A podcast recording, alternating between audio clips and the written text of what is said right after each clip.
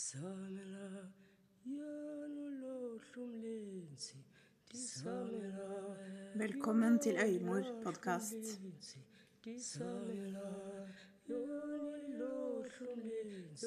Disamela, janolohlumlensi. Ahti min Mitt navn er Silje Nikoline Runesdatter Kvalheim, og jeg er din vert. Øymor podkast er et fellesskap for og med kvinner for å dele livsvisdom, erfaringer og ressurser rundt fødsel og morskap, og om å reise seg etter kamper i mørket. Øyemor er et begrep som ble brukt i Sápmi om tradisjonelle jordmødre og medisinkvinner. En kvinne som kunne se inn i sjela til fødekvinner og med trygghet og kjærlighet støtte henne inn i det ukjente. Både nytt liv og død. Jeg er mor, fødselshjelper og lysarbeider, og min sjels arbeid i dette liv er å støtte kvinner under og etter fødsel, og styrke deres ville natur og deres eierskap til egen kropp og egne historier. Jeg tror at gjennom å dele vår visdom og våre historier skaper vi en verden for våre barn hvor kvinner kan oppleve støtte, kraft og det å bli holdt. I bakgrunnen hører du Mari Boine sammen med Madosini.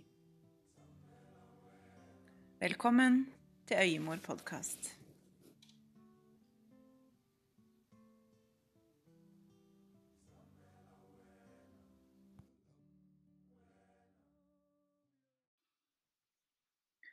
Velkommen, kjære venner, til episode 21 av Øyemor podkast. Her i Holmestrand i dag regner det. Jorden trekker inn hver dråpe og gir grobunn for nytt liv og nye vekster. Våren er i anmarsj, men den beveger seg enda i et langsomt tempo. Her i huset vårt i Holmestrand klekkes nye ideer. Jeg sår og planter, og vi ordner hagen og koser oss med vårt nye hjem. Roen senker seg mer og mer, og det er godt å kjenne. Her finnes ingen støy utenom det jeg skaper selv. I dag skal vi snakke om et tema som kanskje hører høsten mer til enn våren, men som en videreføring av forrige episode om det å miste barn, skal vi i dag snakke om sorg. For tre uker siden døde hunden vår Lykke, og hennes bortgang har åpnet et stort kapittel for meg i forhold til ubearbeidet sorg. Det er litt i lys av hennes bortgang og min egen prosess at jeg velger å ta tak i temaet akkurat nå. Og da har jeg den gleden av å igjen invitere Line Efreidsen, som har vært med på podkasten en gang tidligere, tilbake. Line er en kvinne full av visdom og mye erfaring med livs- og dødsprosesser. I episoden snakker vi om sorg, de ulike fasene av sorg, og det å ha rom og tid til å møte de. Vi snakker om sorg etter fødsel, om sorg i kvinnens kropp. Vi snakker også om hvordan barn opplever å bearbeide sorg. Temaet sorg er stort, og i episoden snakker vi litt generelt om de ulike inngangene til temaet. Antagelig kommer det en episode til som er litt mer rettet i forhold til eh, fødsel, fødselsopplevelser og kvinnekroppen alene. Denne episoden går ganske dypt. Jeg og Line hopper rett inn i temaer som kan oppleves både tunge og triggende. Jeg inviterer deg som lytter til å skape rom når du lytter, slik at dine reaksjoner og følelser rundt temaet også kan få plass i deg der du er. Om du trenger ekstra støtte etter å ha hørt på, ikke nøl med å ta kontakt med meg eller Line. Jeg har også lyst til å si noen ord om dette å møte andre som er i sorg. Jeg opplever at i vår kultur vet vi ikke hvordan vi skal møte andre som er i sorg. Etter innspillingen av denne podkasten med Line har jeg kjent veldig på det. Jeg sørger synlig over lykke, og samtidig kommer sorgen over å miste pappa for ti år siden. Jeg husker godt når jeg mistet pappa at jeg snakket ganske åpent om det da som nå. Når folk spør hvordan går det, eller vi snakker om livet, forteller jeg ofte at jeg savner lykke, eller da at jeg sørger å savne pappa. Ofte vet ikke folk hva de skal svare, og det forstår jeg men iblant kan det være så enkelt som å si 'jeg ser deg', eller 'det høres trist og vanskelig ut'. Poenget er at man som lytter forholder seg til det den andre personen sier og viser. Det er litt sammenlignbart med det vi har snakket om før i forhold til fødsel og barseltiden. At hvis alle møter mor med 'Å, så vakker jente du har fått', og ingen speiler mors indre i hennes raseri eller sinne eller usikkerhet, er det som om alt usynliggjøres, og språket for det forsvinner. Hvis ingen ser meg, er det vel bare noe med meg? Prosessen blir så ensom da. Det er godt å kjenne på støtte, og iblant må noen av oss gå foran med et eksempel, dele av vår indre virkelighet, og si til de vi er glad i at nå ville det vært godt for meg med en klem, eller nå ville det vært godt om du sa 'jeg ser deg'. Mange vil jo være en støtte, men vet ikke hvordan. Har vi ikke selv opplevd det og lært det, må det også læres. Her er Lines bio. Line bor på Nesodden, men er født og oppvokst i Finnmark. Line har tatt samme utdanning som meg hos Rochelle, og jobber som familiekonstellasjonsterapeut traumeterapeut, tradisjonell barseldoula og gravid yogainstruktør. Hun tilbyr tradisjonell samisk lesing eller støtte når noen ber om det, spesielt knyttet til livets store overganger, som fødsel og sykdomsprosesser, og hvis noen ønsker en mellommenneskelig støtte i forbindelse med døds- og sorgprosesser. Jeg er veldig glad i deg, Line, og er veldig glad for at du kommer tilbake på podkasten og snakker om sorg i dag. Denne gangen skal jeg holde introen kort, da samtalen vår er god og lang. Men få med deg outroen i episoden, da det er en bonus til mine patrions fra Line der. Og også noen hjemmelagde produkter som jeg vil fortelle dere om, som jeg tror dere vil ha glede av å høre om. Da oppfordrer jeg dere til å hente en kopp te, sette dere ned og virkelig hvile i denne episoden.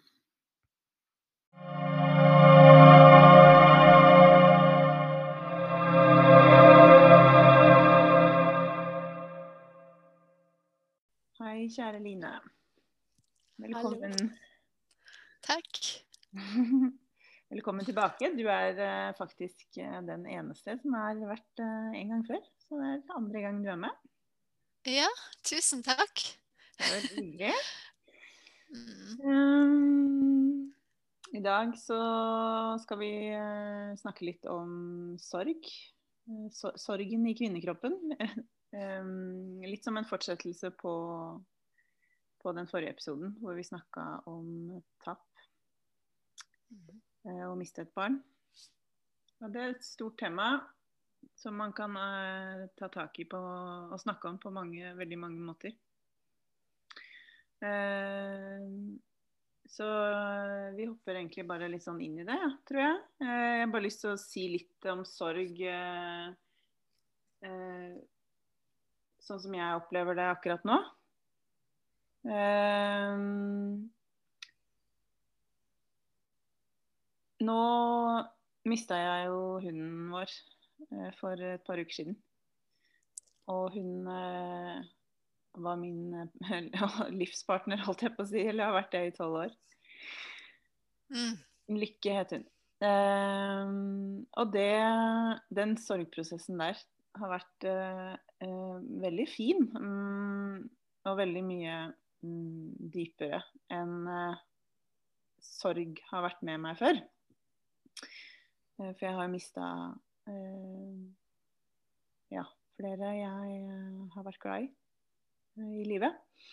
Men det var først, først når jeg mista lykke, at jeg egentlig liksom kom litt i kontakt med, med de andre eh,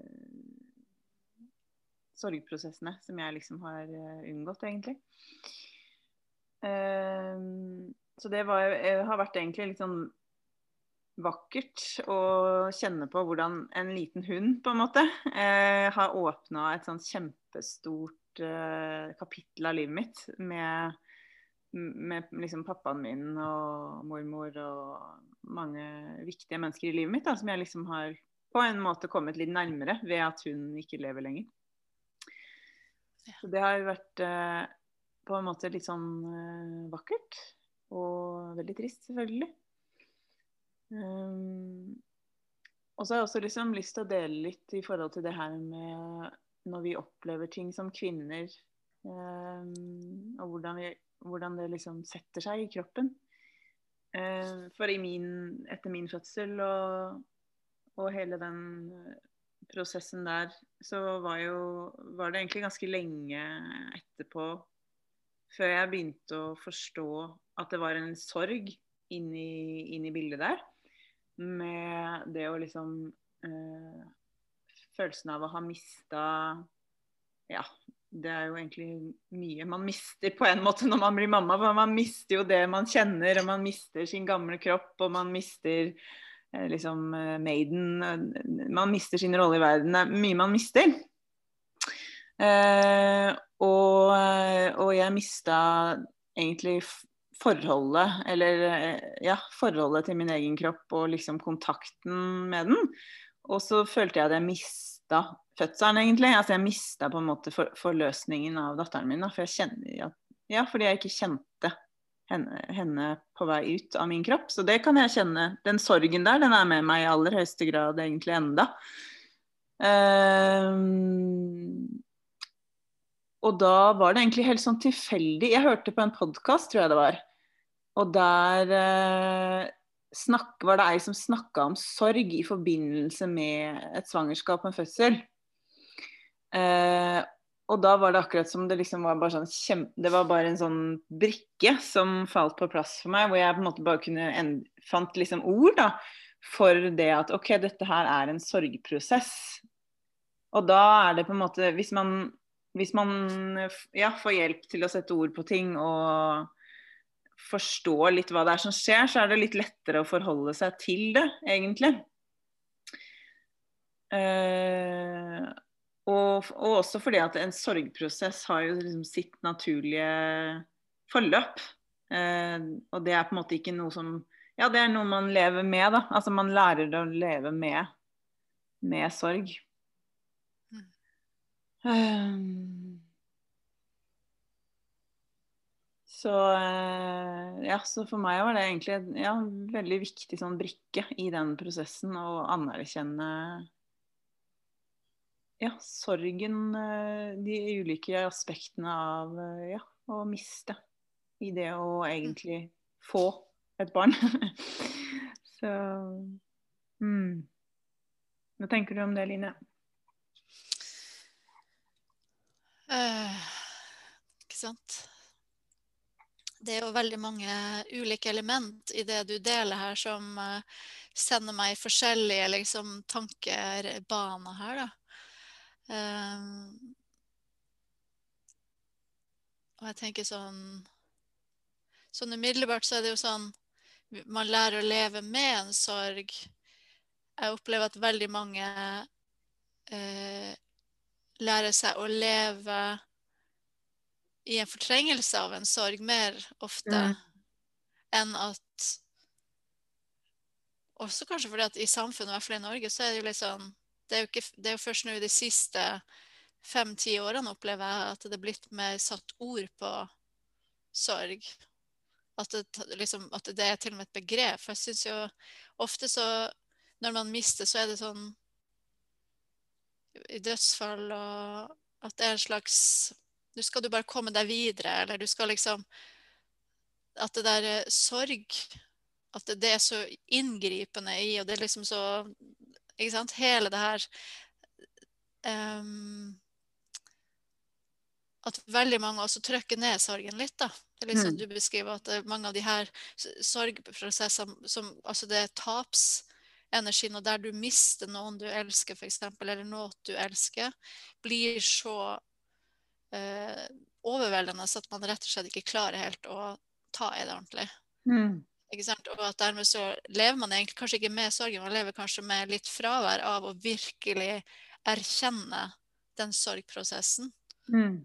Så er det nettopp sånn som du beskriver, som jeg syns er så utrolig fascinerende. Så det er jo at så mister man da et dyr, som ofte, som ofte er jo for oss en hund eller en katt eller en hest, eller har jo ofte den der, den der eh, ubegrensa kjærligheten Mm. som jo vi sjelden kanskje opplever på den måten i relasjoner med mennesker. Mm. Når, når, det, når det, den sjelen da går videre, det tomrommet, det vakuumet, Mm. eh, etter den her tilstedeværelsen av den hunden, eller i din tilfelle er det jo hunden, ikke sant? Mm. Eh, det vekker så mye mer. Og da kan det plutselig også vekke opp til masse annen type sorg som vi da kanskje har fortrengt Mm. det er jo det som er så utrolig heftig med, med å leve med alle vesen som faktisk er her og lever med oss. Da, fordi at det berører så utrolig mange andre strenger i oss. da. Um, og det gir jo et mye rikere liv. Uh, jeg, jeg er jo vokst opp med hunder og, og med dyr. Det er jo spennende å se hvordan dyr også håndterer tap. Mm.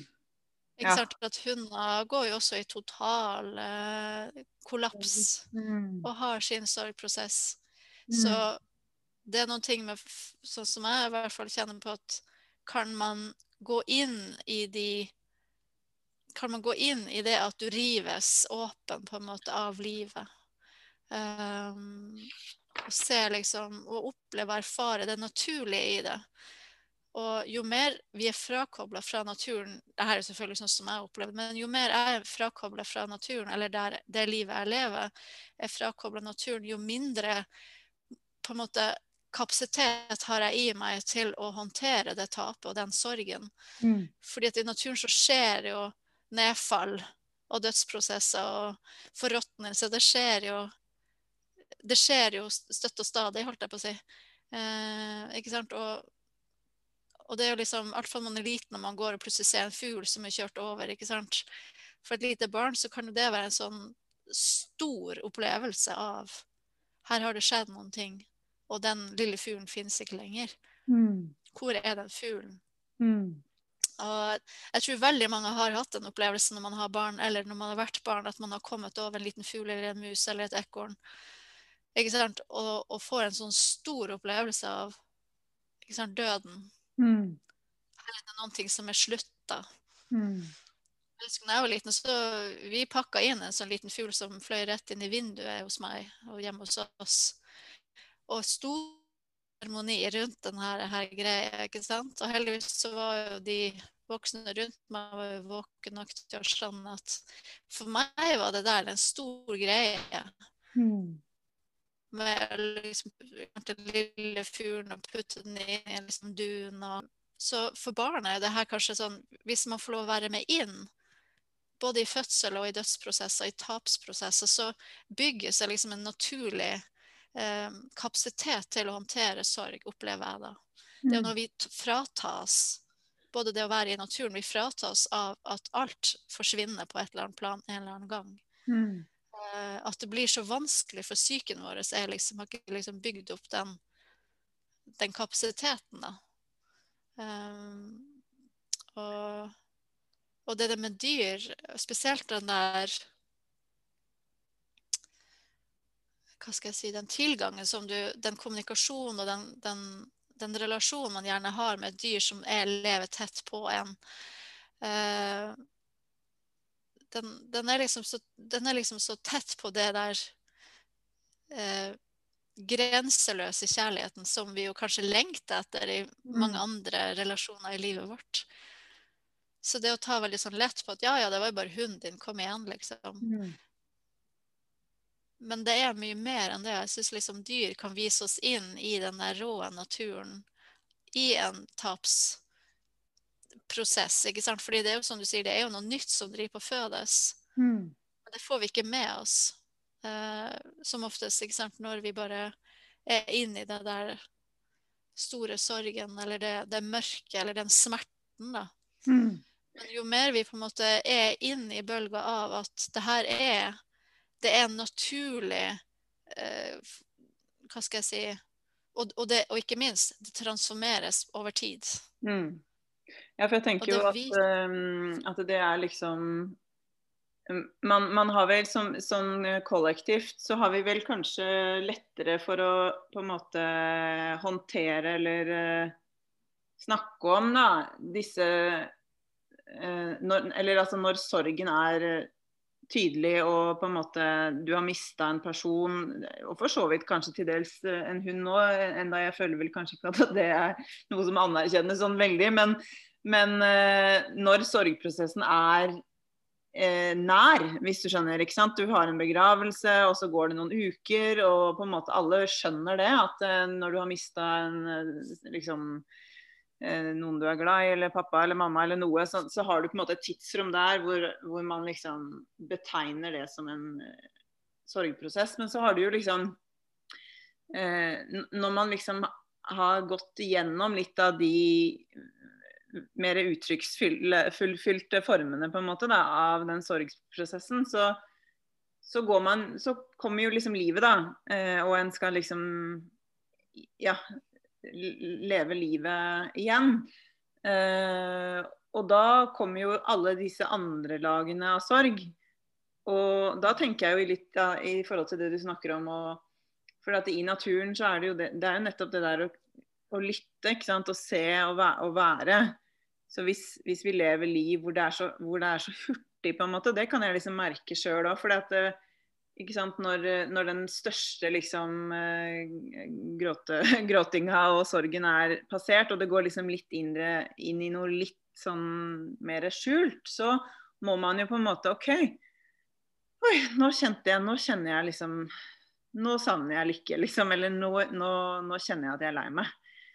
Og så er det kanskje bare et millisekund man på en måte må stoppe opp og bare anerkjenne det, da. Eh, for det kan man også på en måte presse ned, fordi den ikke er så voldsom som man er til å begynne med. da. Og så tenker jeg også på liksom det, det, var liksom noe jeg tenkte mye på, husker jeg, etter fødselen. At du man, man, man, Når man snakker om sorg, så snakker man på en måte om OK, jeg har mista hunden min, jeg har mista pappaen min. Men så er det liksom Hva gjør den sorgen på en måte med, livs, eh, med livet, da? Så, så når jeg fødte, og det ble et keisersnitt f.eks., så var det liksom sånn OK, det, det fødselen er på en måte liksom Det er liksom sorgen, ikke sant? Men så er det liksom sorgen da over å ikke kunne liksom ha den kontakten med kroppen, sorgen over liksom alle de Ja, jeg vet ikke hva skal man kalle det, men uh, som er forbundet med sorgen, på en måte, som ikke er direkte liksom uh, hen, hen, hen, den hendelsen, men som på en måte er forbundet, som har etterdømninger da, av den eh, hendelsen, på en måte. Det er noen ting det der med For meg så er det sånn Noen av de her prosessene har jo det å At den, den dødsprosessen, eller tapsprosessen, for det første er anerkjent og sett og holdt av noen. Mm. Har for meg veldig mye å si for hvordan man da i neste bølge ikke sant? Så for eksempel som du sier, når man mister noen. Hele den, hele den overgangsprosessen der sånn I det samiske så er det jo eh, Sånn som jeg i hvert fall opplevde det fra min slekt, så er det noen helt spesielle sånne bevegelser som starter i slekta, liksom. Idet en, en, en, en går over, da. Uh, hvor det er en slags sånn innebygd forståelse for liksom bygge sånt akkurat et sånt nett rundt de nærmeste. Og, og hele det der nettet, familiemedlemmer som da uh, sørger for mat, sørger for hvile, hjelper til med alt det praktiske. Sånn min opplevelse da det er at det foregår mye lengre, i det, lengre tid i det samiske Mm. enn i liksom sånn som jeg kjenner fra f.eks. Altså, min norske kontekst. Derfor jeg sånn, ikke sant? Fordi at man har en forståelse av at det der, det der nye som skal fødes i det som, er, som våkner da, i, i det vakuumet av det som har dødd, det Mm. tar utrolig lang tid. Det er noen, det er noen sjeleprosesser som, som bare må bindes. Og når vi holdes i det, at det er noen der som, som er der for oss, ut, uten å trenge å prate så mye. Jeg tror jeg er ikke vokst opp med at man prater så mye, og du kan si det er fordeler og ulemper med det. fordi at hvis man ikke prater for at man, ikke, for at man rett og slett tida i hjel, så er jo det ikke bra. Mm. Men det å kunne være nær i, i energien og bare være sammen uten å prate så mye, det opplever jeg flere i de sorgprosessene jeg har gått gjennom som har vært heftig.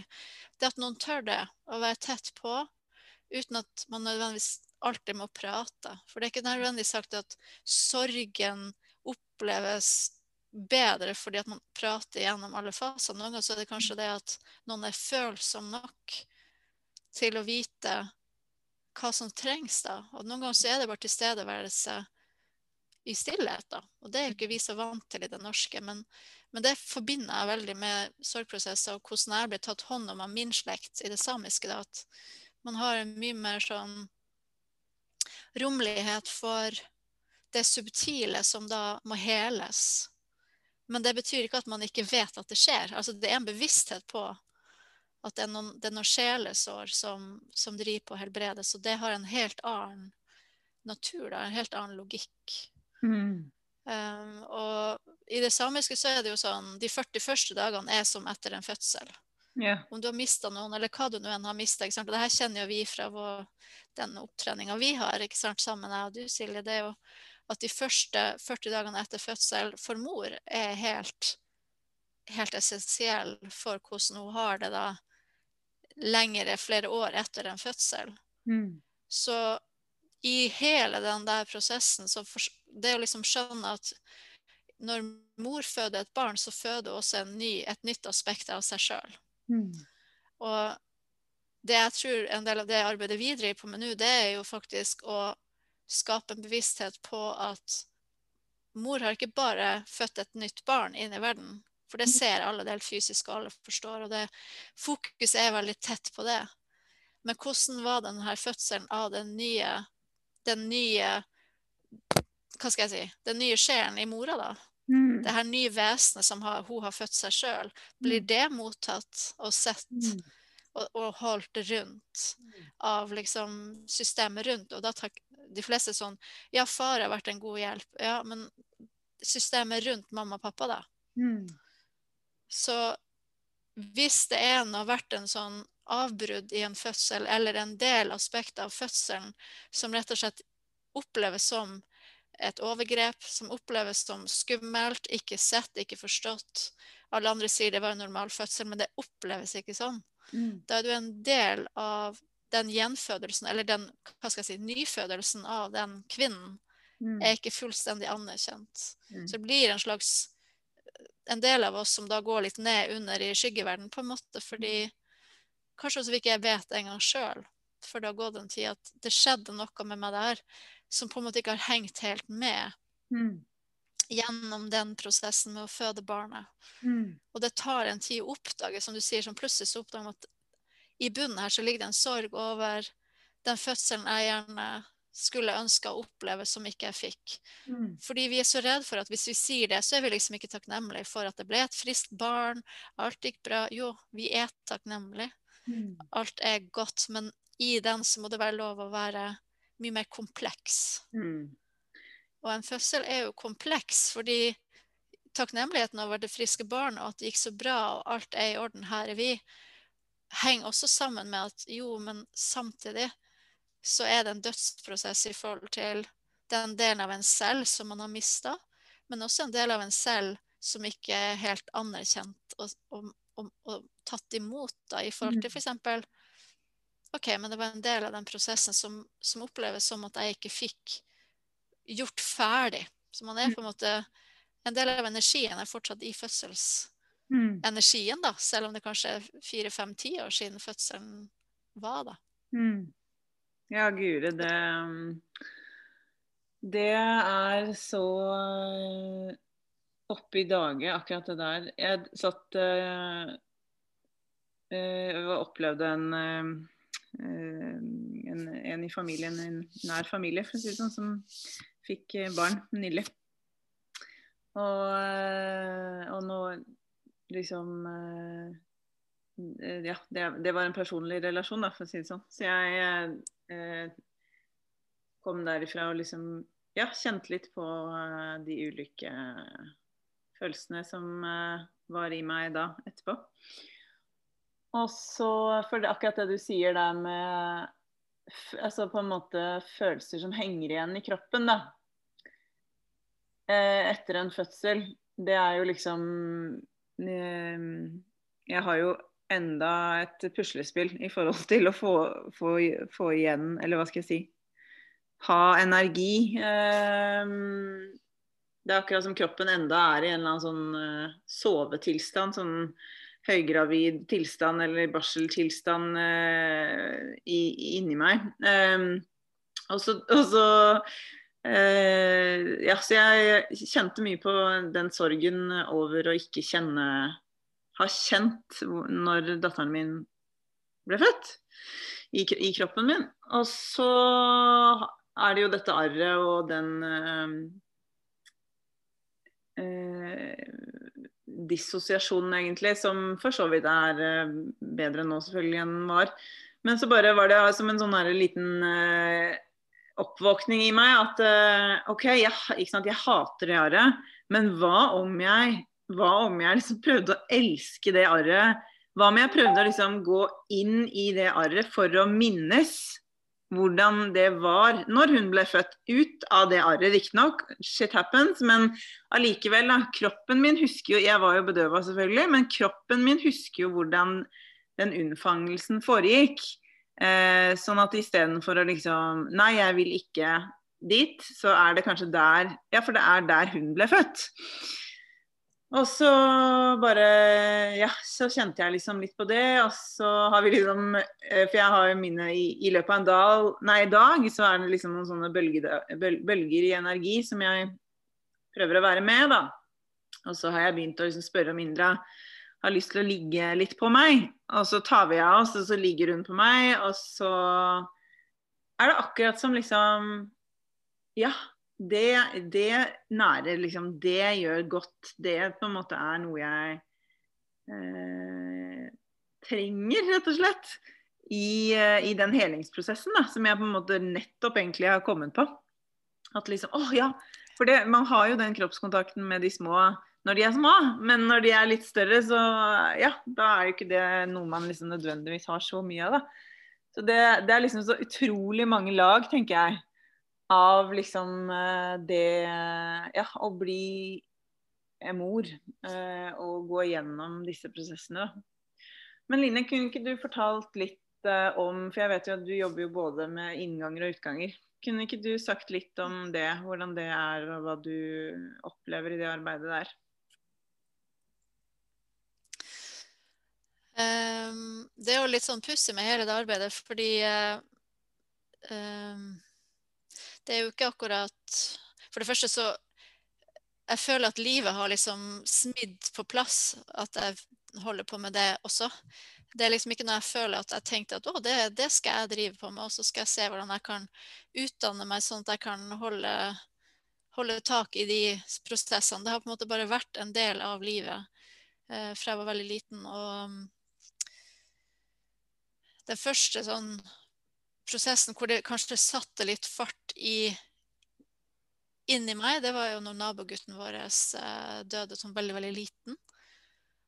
Og altså hele den overgangen der, måten det liksom altså det, For det første så kom det som et sjokk, men også hvordan det ble håndtert i den bygda der hvor jeg bodde. Um, og at jeg hadde så utrolig mange spørsmål, for det var første gang jeg hadde vært borti at et barn kunne dø. Det var liksom noen ting jeg kanskje i mitt lille sinn av åtte år, da. Uh, hadde egentlig ikke reflektert over at det kunne skje. Jeg bodde jo et sted med veldig mye gamle folk, sånn at, at gamle folk døde, det hadde allerede skjedd Så det hadde jeg vært med på. Men jeg, ikke, jeg var ikke forberedt på at barn kunne dø. Så når han døde, så prøvde jeg liksom å, å få snakka med, med besteforeldre og foreldre liksom rundt da, for å finne ut av hvor, det, hvor blir det av han? Hva, hva skjer egentlig nå? Mm. Uh, og hvorfor er det så det, det ble sånn tyst. Alt ble helt tyst. Jeg opplevde, Som liten så opplevde jeg jo at det var en slags um, Ja, det er sånn som det når man får sjokk. Mm. Så, så stagnerer jo plutselig energien. Det blir sånn, uh, Alt fryser til, på en måte. Og i den der tilfrysningen der sånn, så så, så, begynte det å svirre så mange spørsmål hos meg om døden. Og, og vi hadde jo dyr, så jeg var jo vant til å se at dyr fødes og dyr dør, men, men det, var, det, var, noe spesielt med at han var såpass liten. Og i den prosessen så, så var det noe som våkna i meg, at jeg måtte få mer svar på det her. Hva er det for noen ting? Fordi at sånn som jeg opplevde det, så var han jo der jeg opplevde jo at en del av hans tilstedeværelse var jo der. Og så var det ingen som snakka om det. og Det syns jeg var veldig vanskelig som liten. Og det har jeg opplevd senere med barn. At barn har en sånn Ja, men det er jo en tilstedeværelse her fortsatt. Mm. Men det, det, snakkes ikke om. Mm. Heldigvis så har jeg jo uh, Altså min farmor og farfar var jo Jeg bodde sammen med dem da jeg var liten, sammen med foreldrene mine, da. Og uh, både sett mye i livet, ikke sant? men også kanskje deres tilgang til livet og det åndelige og det religiøse og det tradisjonelle og det naturlige var Det bare var en måte å være på. Så der kunne jeg jo på en måte lufte litt hva var det som skjedde med han, og hva skjer med han, og hvor Hva er det her som foregår? Men også sånn forsiktig bedele liksom at jeg opplevde han var der. Mm. Og på en måte på en eller annen måte søkte ikke nødvendigvis kontakt, men, men riktig så svart-hvitt som det var for de voksne. Så riktig så svart-hvitt var det ikke for meg, da. Mm. Eh, og så opp igjennom så opplevde jeg jo I, i Finnmark så er det jo eh, høyere Altså det er flere unge som, som sliter, og, og, i og for seg voksne også, sånn at um, i perioder så kan det komme sånne bølger med selvmord Uh, og det var også en ting som jeg tror jeg tok altså, Det var et eller annet i meg som begynte å fundere veldig mye mer over det her som ungdom enn kanskje de jeg hadde rundt meg. At hva, hva er det som drar noen så kraftig mot døden at de faktisk tar det valget, og hva mm. skjer da? Mm. Så også Min farmor og farfar var jo veldig religiøse, og det var jo mye bønn. Så jeg jeg ble jo veldig dratt inn og veldig sånn nysgjerrig mot det her bønn og uh, de store spørsmålene, ikke sant. Uh, de var jo ikke så veldig åpne rundt det samiske, så det var jo mer mormor og, og morfar. Så jeg hadde det liksom rundt meg hele tida. Og i det samiske er det jo en mye mer naturlig forhold til at vi blir tatt i hånda av forfedrene og formødrene våre, og at vi er fortsatt en del av det hele. Det er ikke mm. sånn at vi forsvinner og blir borte vekk. Mm. Uh, sånn at hele den her den starten og, og, Jeg var jo veldig mye syk som liten og bodde på sykehus. Så barn dø veldig tidlig. Uh, når jeg var mellom sånn seks og ti. Um, og det var vel kanskje Jeg tenker jo at alt har jo henger sammen med noen ting, men den starten hvor det er også veldig, veldig mye liv Mm. Men, men, det var også veldig mye av de her eh, Dansen med døden, vil jeg si. Mm. Um,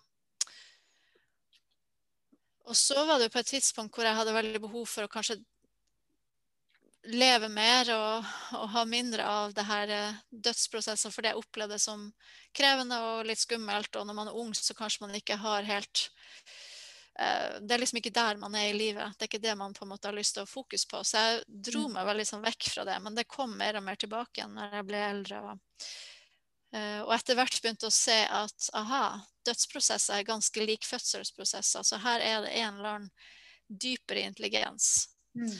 Så når jeg øh, reiste rundt i verden og traff Altså jobba i Sør-Afrika, jobba i USA, så møtte jeg mennesker som, også, som jeg kjente at, det, at her er det en streng av forståelse som jeg kunne kjenne igjen etter den lengselen når jeg var ung. Mm. Når liten oppe i, i Nord-Norge. Og, og litt, litt, den her uh, usagte um, uh, måten å håndtere døden på, da, som jeg kjenner fra min familie. Men det var liksom først når jeg fødte barn uh, selv, at det virkelig liksom begynte å bli tydelig for meg at um, det med fødsel og dødsprosesser det, det, er noen ting her som jeg skal holde på med, da. Mm. Uh, da jeg fødte mitt første barn, så var det også et uplanlagt keisersnitt. En ganske alvorlig uh, prosess. Og um, i den prosessen så Og også i og for seg bearbeiding av altså det du sier, sorgprosessen av den fødselen som jeg opplevde skulle ha vært, men som var helt annerledes. Mm. Så illusjoner som brast og mm. eh, kroppen som ikke fikk gjort ferdig det kroppen egentlig var i modus for å gjøre. Da. Alle de helbredelsesprosessene, alt det der, det er liksom det som bygde det, begynte å tøy, tygge det fram. At jeg mm. begynte å jobbe mer med overgangene. Da. Mm. Eh, så de fødselsprosessene og de eh, Det var jo egentlig ikke noe jeg annonserte eller planla, eller noe som helst. Det var bare folk som begynte å ringe til meg eh, og sa at vi hører at du kanskje kan bistå. Eh, og jeg tenkte jo at det vet jeg ikke om jeg kan, men jeg kan jo møte dere i hvert fall. Og så har det på en måte bare utvikla seg. Mm. Um, og det, i forhold til det med overganger, så Den som lærte meg kanskje aller mest om dødsprosesser, det var jo når faren min døde. Um, og så har jeg selvfølgelig, i etter at han døde, så har jeg opplevd å, å jobbe med mange mennesker hvor jeg ser at uh, det er flere og flere mennesker som, som sier til meg at de har en Sånn her ønsker jeg at min dødsprosess skal være. Mm. Og det som jeg syns er så utrolig fascinerende med det, er jo at man begynner kanskje mer å si uttalt hvordan er det jeg ønsker å dø. Mm. Så fra at det har vært et megatabu om, om sorg og det å dø, det å dø altså, mm. Jeg syns jo fortsatt vi er livredd for å snakke om å dø. Mm. Men det jeg har opplevd de siste kanskje fem-seks årene spesielt, er at flere og flere begynner å snakke om også med de som blir igjen, at sånn her ønsker jeg at det skal være for meg. Mm. Det er jo på en måte Det er jo livets alvor, tenker jeg. Selv om det kan kanskje liksom Wow, du, du, du, er ung og du lever og du liksom tenker på din egen dødsprosess. Men det må jeg jo si at det er jo litt, av den, det, er litt det man høster da, etter å oppleve død eh, tidlig i livet. At man på en måte ser eh, Ja, man kjenner det liksom på kroppen. Hva, hva var eh, hva var verdifullt her, og hva fungerte ikke, liksom. Um, og det har jeg liksom, husker jeg tenkte veldig mye på etter pappa døde òg. At um, ja, for det første, det derre det der rommet som oppstår etterpå, hvor man liksom er så tett på livets puls, uh, at du på en måte Wow, det er dette liksom det handler om. Det er liksom Akkurat som sansene bare blows you open. Og på en måte alt det pisset, alt det derre vrælet, bare forsvinner. Det er ikke noe vits i å liksom bruke noe energi på det. Og liksom litt og litt, jo, med, jo, jo lenger liksom den avstanden eh, øker fra, fra, det øyeblikket, så, så liksom må man passe mer og mer på å huske det, på en måte, da. og det er jo det som er min Ja, det er jo det som er min praksis, da. Det er jo nettopp det at det gir mer liv. Mm. Altså det, det, gir en enda sterkere tilstedeværelse mm. i å leve. Mm. Og samtidig ha det som en, en, tilbakekommende energi hvor man er så igjen på pulsen. da. Mm. Sånn at, at, det er Ikke at man liksom konstant tenker på det, men det er ikke det jeg snakker om nå. Nå er det mer sånn komme inn i der hvor du er akkurat der, helt, helt, helt åpen. Uh, og det, det, er jo en sånn Du kan minne deg på det og si sånn Oi, det var jo det var egentlig sånn. Eller du kan ha det som en kraftpraksis, en energipraksis. Uh, og det finnes det jo veldig mange ulike praksiser om både i, i det buddhistiske og i sjamanismen. Um, sånn at vi, vi er sterkere til stede i livet, da. Uh, og jeg tror at mye av seremoniarbeidet egentlig kom som en, en visdom om at den, de ulike seremoniene og de ulike overgangsseremoniene og ritene og, og sesongseremonier og alt det her var jo også på en måte for å ære det der den kraften i å leve. Mm. Men også en anerkjennelse at livet er, er konstant dans mellom de ulike tilstandene, da. Mm. Det er de konstant dans mellom sant? natt og dag, lys og mørke. Transformasjon mellom dødsprosessen og, og gjenfødselen. Den, altså den transformasjonen inn til noe nytt som fødes. Mm. Og jeg tror liksom for, for meg det å, å, å liksom helt til å ha kontakt med det nye som fødes i en dødsprosess, det har jo gjort at det går an for meg å på en måte håndtere mange av de tingene jeg jobber i. Da. Fordi eh, det å Og det kjenner jeg også igjen faktisk i noen av de prestene jeg kjenner, som også har, har den en litt annen kontekst de jobber i, selvfølgelig, men, men det er mye av det samme. At du, du har så eh, Hva skal jeg si Det kan du jo komme til gjennom bønn også. At det, du, det blir liksom ikke noen ting du, du er borti sånn når du kommer på det, eller når det skjer noen ting, men det, det er en, en, um, en tilbakevendende hvor du bare bøyer deg for, for den tilstedeværelsen, da kan du si, eller den pulsen i livet.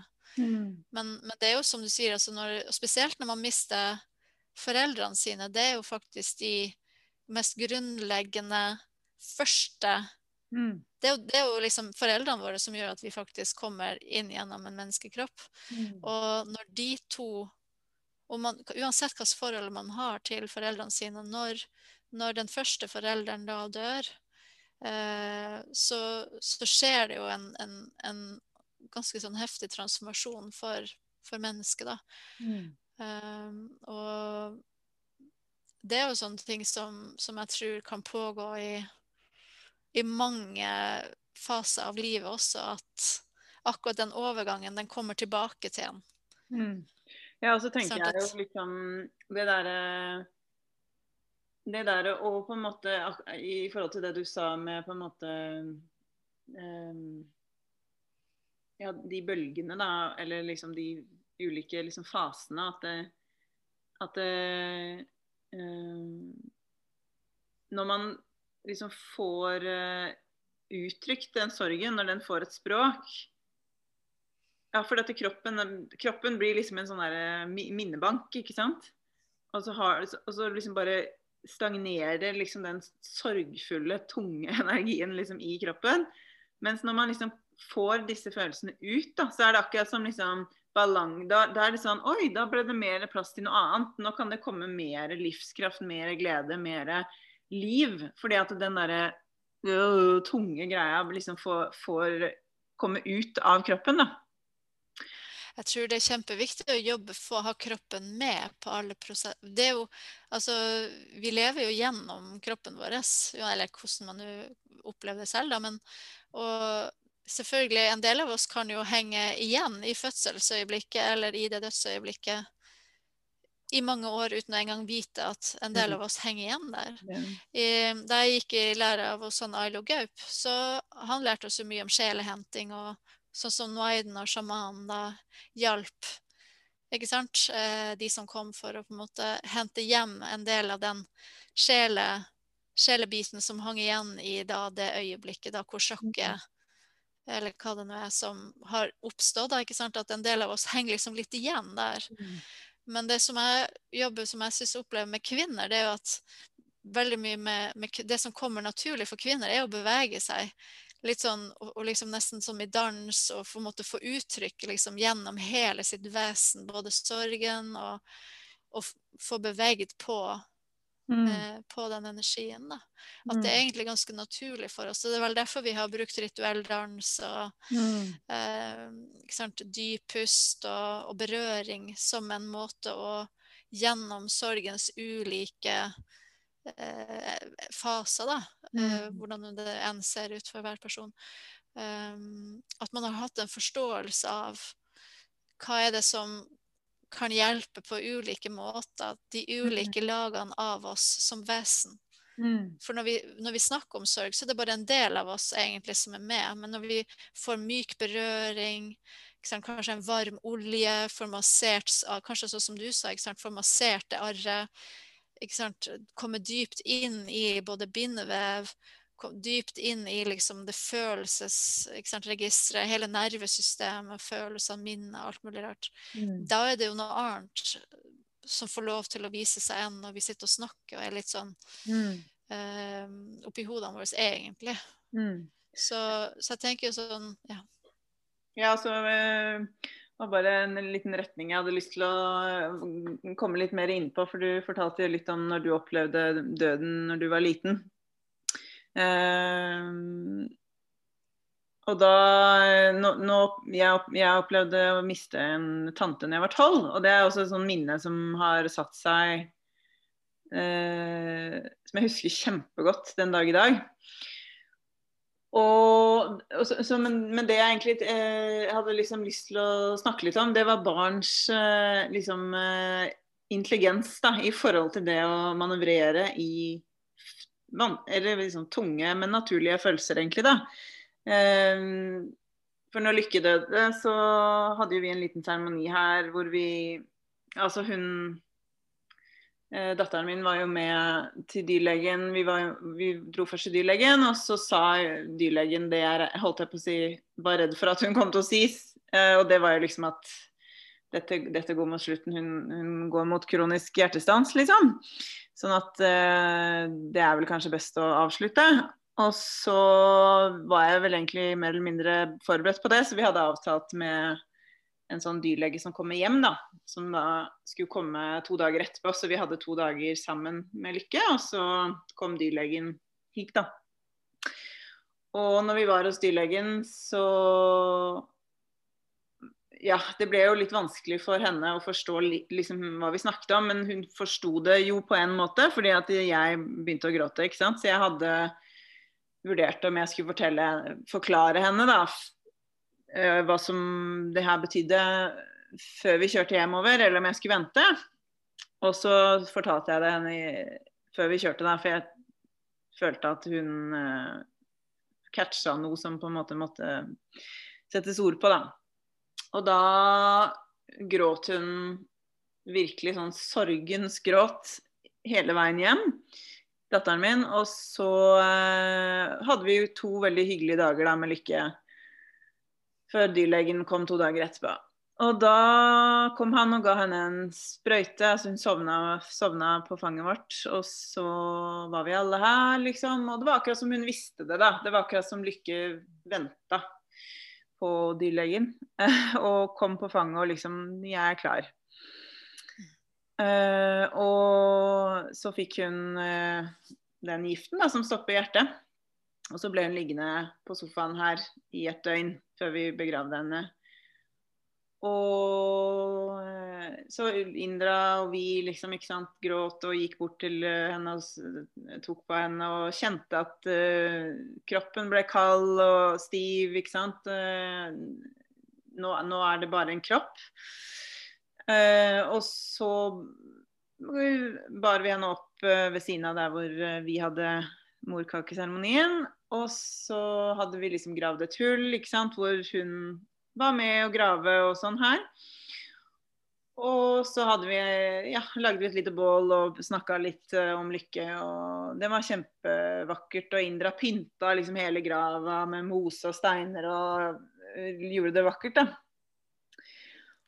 Og da liksom har du den eh, tida etterpå hvor det er mye tårer. ikke sant? Vi snakker mye om lykke. Hun er ikke her. Hvor er hun? Alle tingene hennes er her. Eh, og sånn.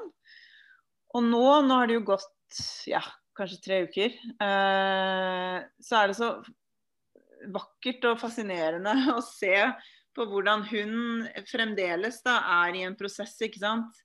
Eh, hvor hun nå, nå hun veldig, har vært inne i en sånn greie i det siste liksom, hvor hun er så opptatt av å leke hund. Så hun, hun skal leke hund, og hun, ta, hun tar fram bollen og maten og alt til Lykke og senga hennes, og hun snakker og bjeffer og ikke sant. Eh, og ja, jeg blir helt sånn rørt eh, bare av å snakke om det, for det er liksom så naturlig for henne da, å bare liksom prosessere hvis hun bare får lov å liksom uttrykke seg på den måten hun trenger, så er det liksom gjennom lek og bare det å liksom Ja, så bearbeider hun det tapet, da, som jo for henne De var jo liksom bestevenner. Lykke var med overalt, ikke sant. Og så det er jo liksom Når vi er ute her og, le og leker og sånn, så sier hun det nesten hver dag. Eh, for vanligvis da når vi var ute ikke sant, og jeg holdt på med et eller annet, så lekte hun med Lykke da hadde hun alltid noen som hun lekte med. Og så sier hun liksom alltid 'Å, mamma, jeg savner Lykke'. For nå må hun leke alene, da, på en måte. Så det er eh, den eh, Ja, den Hvis man liksom klarer å legge til rette da, for den, den naturlige prosessen hos barn, så styrer de jo egentlig den De styrer det jo egentlig helt sjøl. Mm, det er bare utrolig det du beskriver. blir jo helt blir helt rørt. Jeg tenker Det er liksom noen elementer som, som for meg er veldig sånn vakkert i det du sier. Og det ene er at dere hadde bevisstheten og forståelsen, ikke sant?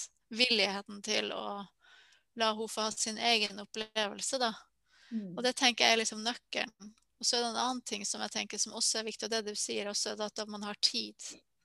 Mm. At dere faktisk har tid, gitt henne tid. Dere har hatt tid nok til at hun kunne ha folda det ut sjøl. Mm. Fordi at når man har så masse andre busy ting man skal gjøre, så det er ofte der at ungene ikke at ikke det får lov til å bare komme akkurat når det kommer, i det øyeblikket der det er. For man kanskje er i barnehagen eller skole, man holder på med et eller annet. Så man, man får ikke det rommet, da. Mm. Og det er, så, det er jo så fantastisk med små barn, fordi Um, de lærer jo veldig mye om, av oss, hvordan vi håndterer det. Og hvis vi, de ser at vi håndterer det oss sjøl, så får de rom til å leke det ut, mm. folde det ut sånn som det kommer helt naturlig. Og veldig mye sorgspråk kommer jo faktisk veldig ofte med barn gjennom lek eller tegning eller sang. Eller, det er helt utrolig. Det er så utrolig flott. Og jeg tenker sånn Tenk om vi hadde turt det, da. Ja. At vi også hadde kanskje blitt litt mer sett på hva er det jeg egentlig trenger i forhold til den sorgprosessen der jeg er. Mm. Eh, hvis, jeg, hvis, jeg, hadde bare vært eksempel, satt av nok tid og rom til at OK, nå kom, kommer det en bølge her. OK. Mm. Ikke sant? OK, men da sitter jeg med det nå. Mm. Hva er det som trengs? Um, for det er, jo, det er, jo, som oftest Og det høres jo så utrolig lett ut, men det er faktisk uh, ikke så enkelt å få til når, når vi um, ja, kanskje lever veldig busy, eller vi har veldig mange ting, eller vi har kanskje flere barn som vi skal koordinere med på en gang, som, uli, som har ulike uh, sorgprosesser. Da. Mm. Og det er jo veldig vanskelig å vite, for barn er jo like forskjellige som voksne, selvfølgelig. Og de, alt i forhold til hvilken alder de er, Eh, hvilken relasjon de har til den som har gått over. Eh, hva er det som skal fødes i dem idet det her tapet skjer? Mm. For det syns jeg også er litt sånn Man kan jo på en måte ha et lite blikk på altså, OK, hvilken eh, prosess er den ungen i, i sin utvikling når denne sorgprosessen inntreffer? Mm. Uh, og istedenfor å på en måte, kanskje overfasilitere, heller se hvordan er det denne prosessen på sitt heftige vis så livet på planeten. ikke sant? Altså fordype det, det mennesket, da. Det mm. barnet. Mm. Ikke sant? Altså Kanskje vi som voksne som noen ganger blir så redde for at ungene våre skal få det så vondt at vi ikke klarer å mm. Vi klarer ikke helt å se at ungene våre har det så smertefullt. Mm. Um, men kanskje noen ganger så er det det å få lov til å, å, å på en måte kollapse litt inn i det, uansett hvilket uttrykk det har. da. For klart, jo eldre de blir, jo vanskeligere kanskje er det også å, å, å finne helt sånn fritt uttrykk for en sorg. Eh, men at det er også Det er jo med på å, å på en måte forme den, den diamanten, da, kan du si. Ja, ja, ja. Men, Det det, jo men, som, mm. men som foreldre er det jo Det er jo sånn De fleste opplever at man kan håndtere sin egen sorg, men det er kjempevondt å håndtere barnas sorg. Mm. Ikke sant? Og veldig ofte så ser jeg at hvis man ikke håndterer seg sjøl ofte i den sorgprosessen, man ikke gir seg sjøl det rommet man trenger for sin egen sorg, Mm. så kan det jo være at barna også da får vanskelig å finne plass eller finne rom for sin sorgprosess. da. Ja, det er jo igjen da det, det er intrikate intrikate blueprintet på en måte vi har da, med hvordan vi klarer å stå i de ulike følelsene og hvilke følelser som er vanskelig for oss sjøl. Så blir jo det ofte en sånn videre eh, videreformidling hos barna. Det er, eh, det er jo det som er eh, den store kunsten. Å være foreldre og klare å møte følelsene i en sjøl og i barna våre. Bare, så er det kanskje også, det ser jeg gjennom familiekonstellasjoner, syns jeg ser det igjen og igjen, og har opplevd det med mine egne ting, at det også har litt rommelighet for at vi er Hvis man snur det fra at vi skal være at vi skal være så så kloke og så rommelige og så fantastiske hvert et steg at barna liksom får den beste oppveksten. Men noen ganger så er vi mennesker, og vi er Mm. det vi er. Og vi er i de prosessene vi er. At det er også en måte for barna å, å bli mer empatiske og rommelig og se at noen ganger så, så mestrer vi ikke oss sjøl heller. For det Mm. er, det er utrolig Mm. eh, forskjellig hvordan de her sorgprosessene og det å miste, hvordan det beveger oss. da. Mm. Eh, og det er klart, er vi i en situasjon f.eks. nå hvis du ser på kollektivet nå, hvor det er så utrolig mange som opplever veldig vanskelige ting. Det er mange som dør på verdensbasis. Eh, folk opplever kanskje at egne familiemedlemmer dør i denne prosessen. Får ikke lov til å være sammen med dem når de dør, f.eks. Eh, det er veldig mange ting nå som gjør det plutselig komplisert og skummelt i forhold til tap, da, i forhold Mm. til sorg. Mm. Fordi at det er liksom så mye restriksjoner og greier som kommer utenfra. Mm. Uh, så hvordan, hvordan få lov til å på en måte kjenne en, en trygghet og en, en At man blir holdt, da. Hvis Mm. man ikke engang får lov til å være med den personen kanskje når de dør, da, eventuelt. Uh, ja, ikke sant. Ja, Så, det- hva- ja. og jeg tenker det, det, det er jo Det er jo noe Det er jo noe heftig vi skal lære her på kollektivt nå, opplever jeg, i forhold til de store, de store liksom, spørsmålene om, om helse, om liv, om verdien av liv, eh, om fellesskap, ikke Mm. sant? Eh, det er jo også på en måte litt sånn kollektiv egodøden i forhold til at vi kanskje liksom var litt på feil vei i forhold til å oppleve det, i hvert fall at vi er veldig individualistiske og vil veldig gjerne i en sånn egoretning, ikke sant. Men det vi veldig mange opplever nå, tror jeg, er at vi trenger hverandre. Vi er en del av hverandres liv. Mm. Eh, ikke sant? Det å, å ha mennesker rundt oss som vi kan ta på, klemme på, snakke med, Mm. utveksle med, det er det har utrolig mye å si både for oss sjøl og for de vi har rundt oss. da. Mm. Og, og spesielt i, i, når vi mister noen, så, så er det mye vanskelig å gå igjennom hvis ikke vi har noen rundt oss som virkelig også kan supporte oss i den transformasjonen.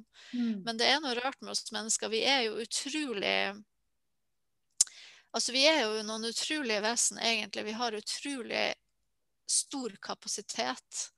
Men det må liksom utløses noen gang. Litt ekstra, virker det som.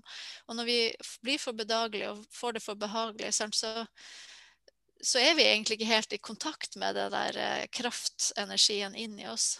Mm. Men nå så er det sånn Det er så mange Altså, vi alle er jo i en prosess hvor det skjer mye.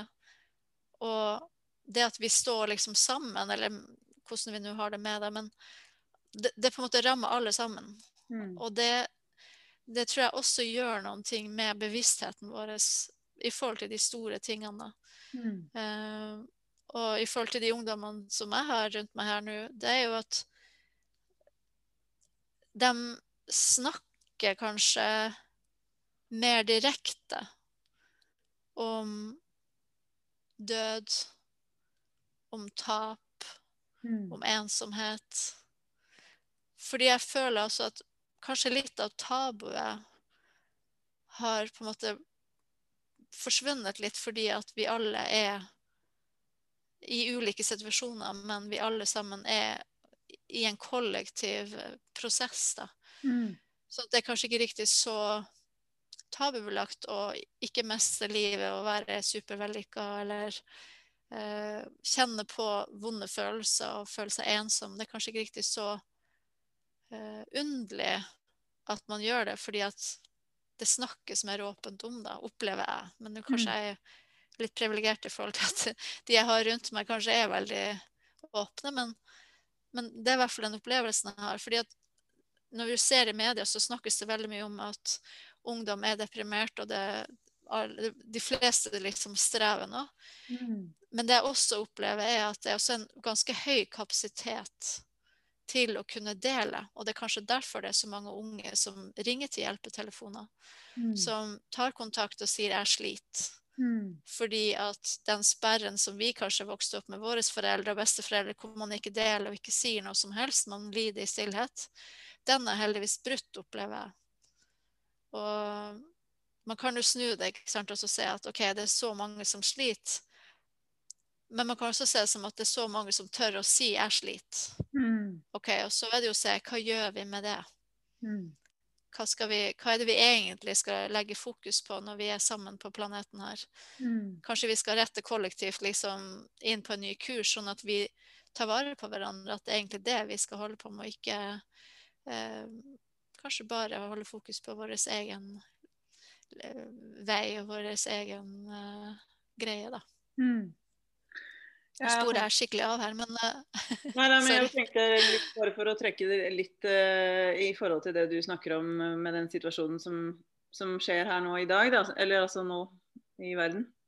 Så er det jo, i hvert fall noe som jeg har tenkt mye på, er jo liksom det derre å hvordan, hvordan vi føder og hvordan vi dør. I den forstand at hvem, hvem, eier, hvem eier den tjenesten, holdt jeg på å si. Eller hvem, hvem utfører det her. Eh, og det, hvis man liksom ser opp gjennom tidene, da, ikke sant, så er det jo klart at folk har jo ja, inntil nylig eh, på en måte begravd sine egne og tatt imot eh, sine egne.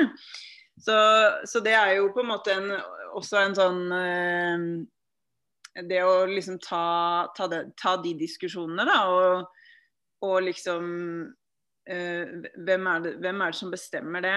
Eh, ja, det, det syns jeg liksom er to, ikke sant? For det er jo to eh, det er jo to eh, fun, fundamentale rettigheter, egentlig, vi, vi eh, har som mennesker. Eh, det å liksom hvem, er det jeg føder med? Eh, hvor er, hvordan er det jeg vil føde? Hvordan er det jeg vil dø? Og det er klart at i et eh, eh, i en struktur og et samfunn hvor det er regulert av praktiske og økonomiske og i det hele tatt eh, grunner, så er det også en sånn påminnelse, syns jeg, da, om at liksom eh, jeg vil Jeg husker jeg tenkte liksom Jeg vil grave graven til min far. Jeg vil grave det hullet. Jeg vil løfte den kroppen ned i det hullet, og jeg vil grave jorda over i min hage, liksom. Eh, og det tenker jeg liksom med min egen kropp, min egen død, og liksom At det liksom det er her, her er mitt land. Jeg skal ikke ligge på en kirkegård, skal ikke ha noen jeg ikke kjenner til og bla, bla, bla. Men det å liksom, ja, virkelig liksom ta tilbake eierforholdet, da, at det, de prosessene der, det er liksom livsprosesser som, som eies av folket. På en måte at det, det er ikke noe staten eier, eller egentlig ja, bør ha eneråd over, da, men at det er mitt, min menneskerett, da. Det er noe fint det der eh, I min slekt så har vi jo Jeg holdt på å si begge deler. Eh, Med, med liksom forkristningen og alt det her av samefolket, så det er klart at det er jo stor del av befolkningen som er eh, kristen. De er knytta til norske statskirker og sånn. Eh, men samtidig så har jeg jo vokst opp i et landskap hvor det er gamle offerplasser, hvor det også har vært gamle gravplasser i naturen. Mm. Uh, og det å ha det å ha de to der parallelle, parallelle virkelighetene på en gang når du er liten? Det, det er litt det er litt spennende, da. Fordi uh, i Sånn som jeg vokste opp, så, så når du dør, så, er, så, tas du imot av forfedrene. Det er ganske mye triveligere å tenke det. Ja, det er Eh, at du, du gis over til jorda, og du, du tas imot av forfedrene. At du, når du går i fjellet og sånn, så, så er det den personen er en del av landskapet, da. Mm. Eh, og jeg tror at det gjør veldig mye med ens opplevelse av sin egen dødsprosess, når det er det Mm. bildet du det, det, det er den mytologien, det er den tradisjonen du er en del av. Eh, en, hvis vi tenker at når jeg dør, så er jeg liksom en boks på en vegg med en nøkkel eller et eller annet. Altså sånn, det er jo mange land som har det. at man er bare en, Men et navn på en, en stor vegg med masse eh, og, og, og, jeg tror liksom Hvis du tenker sånn her, da eh, Hvordan oppleves det for meg når jeg da jobber med liksom dødsprosesser, hvis jeg vet at jeg har snakka med sant, eh, alle mine familiemedlemmer, og alle vet liksom hva det er vi ønsker her. Eh, det er en åpenhet rundt det. Det er ikke noe sånn som plutselig kan falle deg i fanget, liksom. Eh, og, og, noen velger å ta det hvis de er syke, ikke sant, og tar det med barna sine. Sånn her har vi lyst til å gjøre det. Det er veldig sånn sterk del av prosessen hvis det er sykdom inne i bildet. At det er også en, en måte å få lov til å, å avrunde veldig verdig.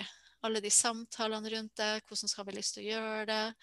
Og for noen så er det riktig å få lov til å ligge på en kirkegård, for det oppleves som Mm. eh, sant for dem. Ja. Eh, for noen er det sant å bli, få lov til å liksom bli spredd asken i, i sjøen. Og jeg tenker at så lenge det er at mennesket får lov til å sette ord på og finne det som oppleves sant for en selv, hva kan jo enn det er for noe, eh, at selv den dødsprosessen kanskje oppleves som litt annerledes. Mm. I, um, da min mormor døde, så, så opplevde jeg den måten eh, det personalet der eh, på det pleiehjemmet der hvor hun bodde oppe i Finnmark, da, den måten de Den varheten og den kultursensitiviteten eh, Altså måten de håndterte liksom alle barna, ikke sant, mamma og sånn Det var på en måte som en sånn, en sånn ytre sånn mykhet rundt familien, da. Mm. Ikke sant? Så selv om det er på en måte i en institusjonssetting, kan du si, så hadde det noe med bevisstheten til de som jobba der, som jeg Mm. oppså at det var så utrolig verdig. Eh, De var så, de var så, de var så nære og så kjære i det, men det var, det var en utrolig respekt og verdighet i forhold til og de siste, ja, den siste tida, da, og hvordan de monterte hele prosessen. Så jeg tenker sånn Alt for meg har med bevissthet å gjøre. Mm. Hvilken bevissthet er det vi, vi har, og hvilken bevissthet er det eh, som, som på en måte får lov til å vokse fram i de her overgangene. Mm. Fordi hvis vi lager for strenge regler, så, så er det reglene, det er ikke bevisstheten som, som på en måte skaper. Og, og i forhold til f.eks. i denne årgangen, så var det jo bevisstheten til, til, til alle barna, til, til mormor, til en prosess, men også de som da som holdt hele den, den sirkelen rundt, kan du si. Mm. Men det betyr jo ikke at det oppleves harmonisk og fint for alle. Fordi en, en, en sånn sakte utgang av livet er jo smertefull. Mm. Det kommer opp alt mulig, og kanskje ting man ikke har fått snakka om, plutselig begynner å boble opp. Og, ikke sant? Mm. Um, så, så det er liksom sånn Hvilken bevissthet er det som, som som på en måte er i, i hele den prosessen, og hvordan kan man eh, Hvordan kan man eh, holde en sånn en vernende eh, sfære rundt det, da.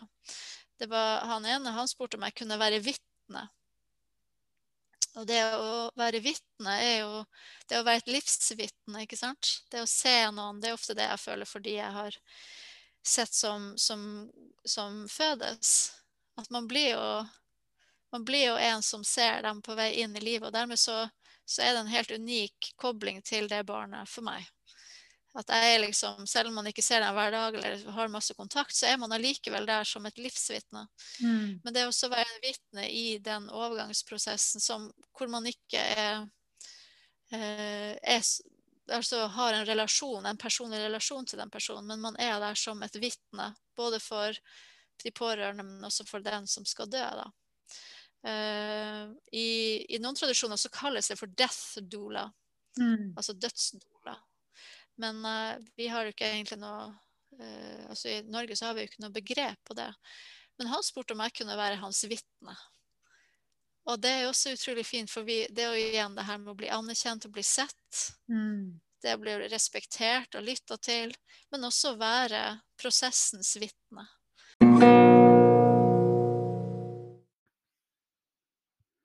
Tusen takk, Line, for at du er med på podkasten og deler av din visdom.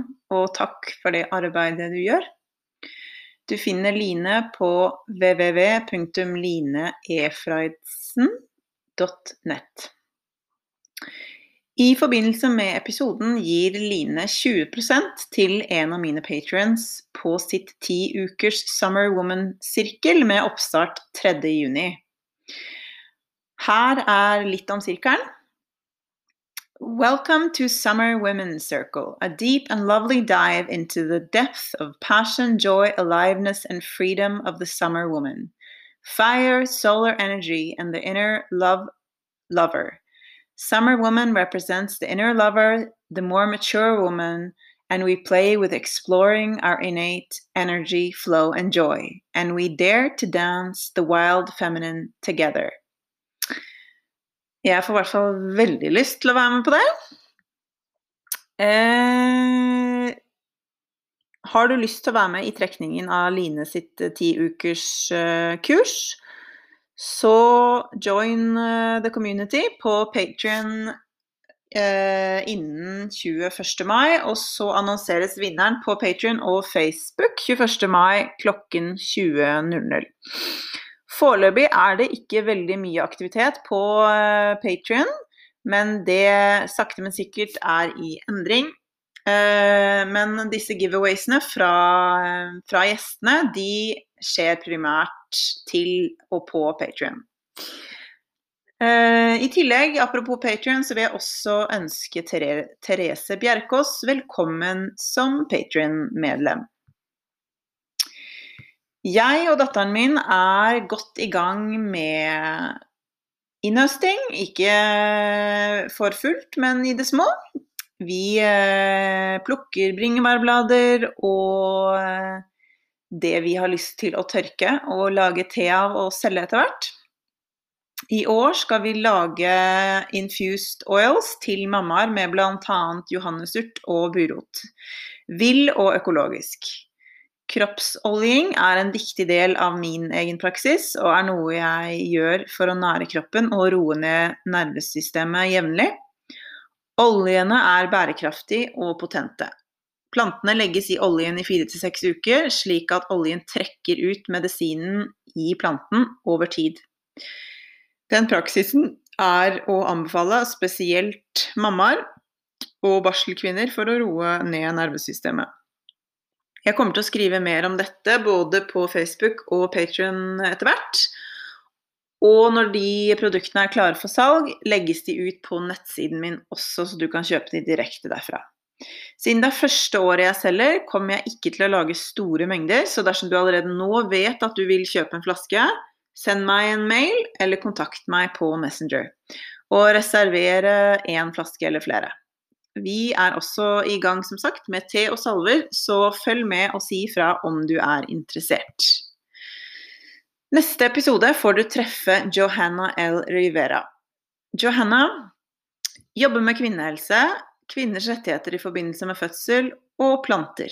I episoden skal vi snakke om våren, planter og hvordan vi kvinner kan finne næring, påfyll og kontakt gjennom planter og naturriket.